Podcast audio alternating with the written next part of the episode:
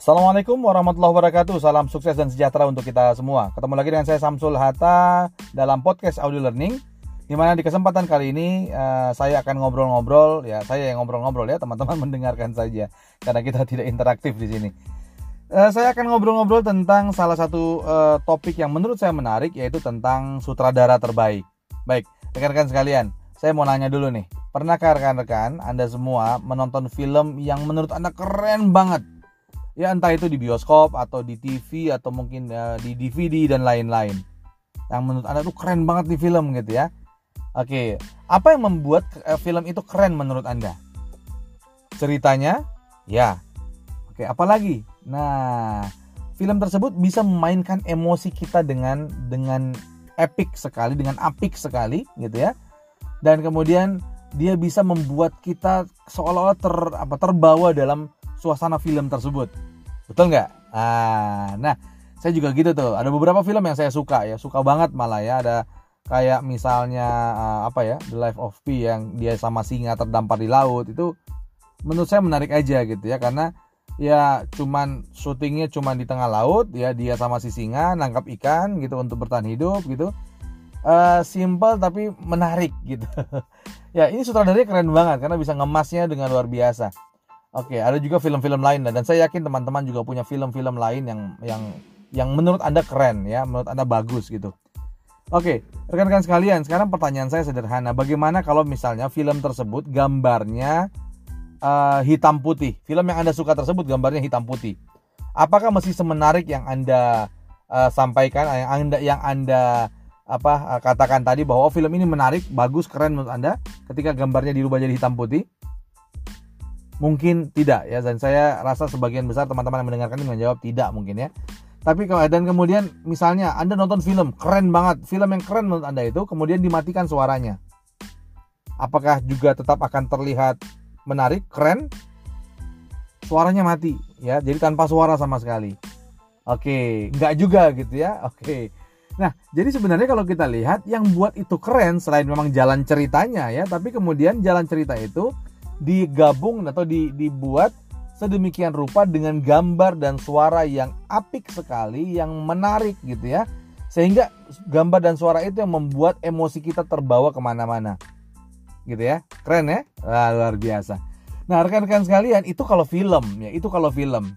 Nah pertanyaan saya, mungkin teman-teman ada yang suka baca novel atau suka baca buku cerita, apa pun itu. Misalnya ya, kalau saya, saya hobi banget itu baca Agatha Christie ya serial detektif.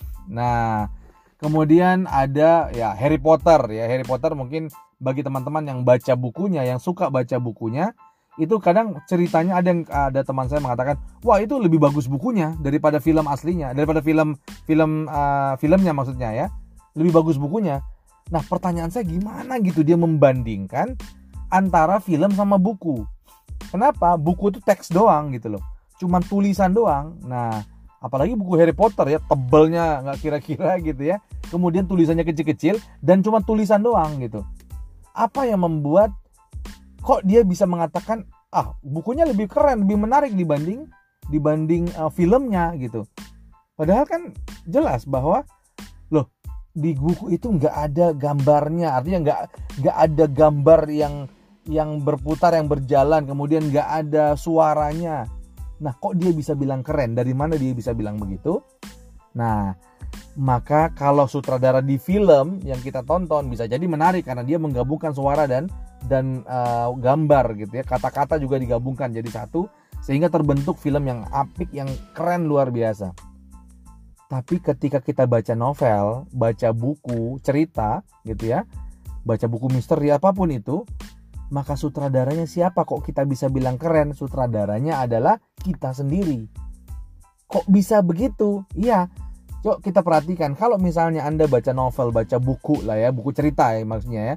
Buku cerita misalnya anda baca kemudian anda perhatikan kan anda bisa terbawa gitu terbawa. Nah apa yang terjadi sebenarnya? Kan anda lagi membayangkan itu dalam kepala anda. Misalnya dia berjalan membuka pintu perlahan dan mengendap-mengendap dalam gelap misalnya. Itu kan kata-kata. Apa yang terjadi ketika kita membaca itu? Kita sedang membayangkan ada orang yang membuka pintu perlahan berjalan mengendap-endap dalam gelap. gitu ya. Nah, ketika kita membayangkan itu, kata-kata tadi melahirkan sebuah gambaran dan kemudian bisa jadi kita membangun suara-suara dalam pikiran kita.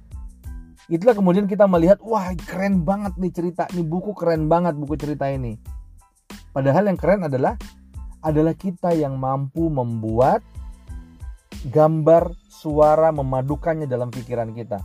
Ya, tetap aja bukunya keren, yang pengarangnya jago, bagus, dia bisa memainkan alur-alur kata-kata sehingga kita mampu membangun pikirannya pikiran kita dengan mudah dalam dalam membangun gambar suara dalam pikiran kita.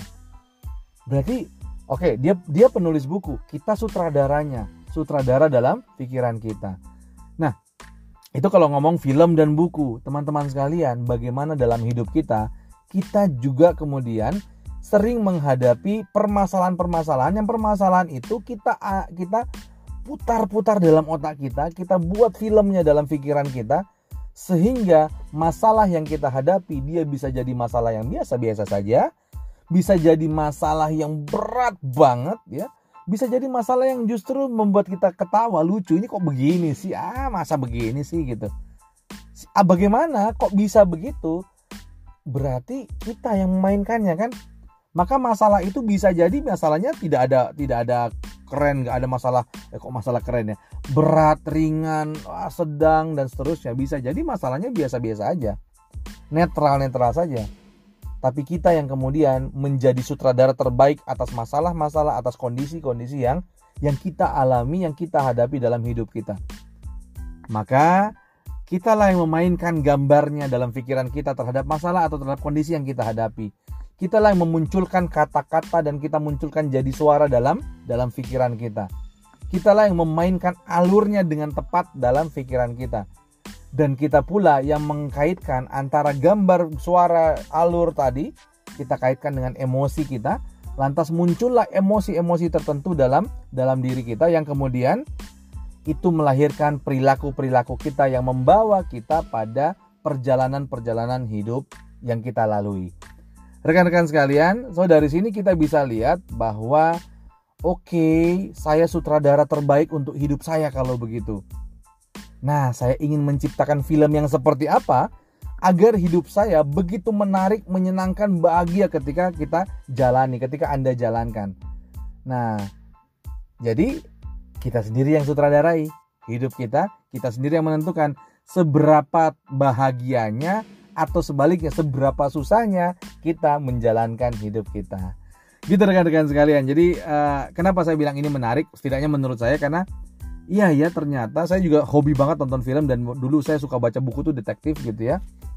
Saya melihat bahwa iya ya ketika baca buku ini di pikiran saya saya nggak pernah tahu Hercule Poirot yang dari Agatha Christie itu orangnya kayak bagaimana, tampangnya kayak bagaimana dia uh, apa atau kemudian kita saya kita baca misalnya mungkin uh, yang uh, angkatan 80-an gitu ya.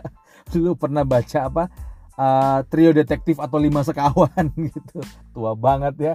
Nah, asik baca bukunya, asik mungkin beberapa orang senang dengan buku itu asik, tapi kemudian itu hasil selain hasil karya si penulis yang memang menuliskan dengan apik sekali dengan keren banget kita juga harus menghargai diri kita, perlu menghargai diri kita karena kita sebenarnya menjadi sutradara terbaik untuk membuat cerita itu menjadi menarik atau tidak. Dan dari situ kita juga menjadi tahu rekan-rekan sekalian, berarti kita punya kemampuan menjadi sutradara dalam hidup kita untuk membuat gambaran suara-suara yang yang tepat sehingga memunculkan emosi yang tepat juga agar kita mempunyai perilaku-perilaku yang optimal yang efektif untuk kita mencapai apa-apa yang kita inginkan. So rekan-rekan sekalian, selamat menjadi sutradara terbaik untuk hidup Anda ya dan jadikanlah setiap hidup Anda penuh makna dengan cerita-cerita yang Anda buat, Anda kemas sendiri dalam pikiran Anda. Oke rekan-rekan sekalian, saya rasa itu saja ocehan saya di hari ini, di kali ini gitu ya, kesempatan kali ini. Mudah-mudahan ada manfaatnya. Sekali lagi uh, tetap sehat, jaga kesehatan ya dan tetap terus berkarya. Saya Samsul Hatta, terima kasih. Assalamualaikum warahmatullahi wabarakatuh. Salam sukses dan sejahtera untuk kita semua berkah berlimpah untuk Anda dan kita semua.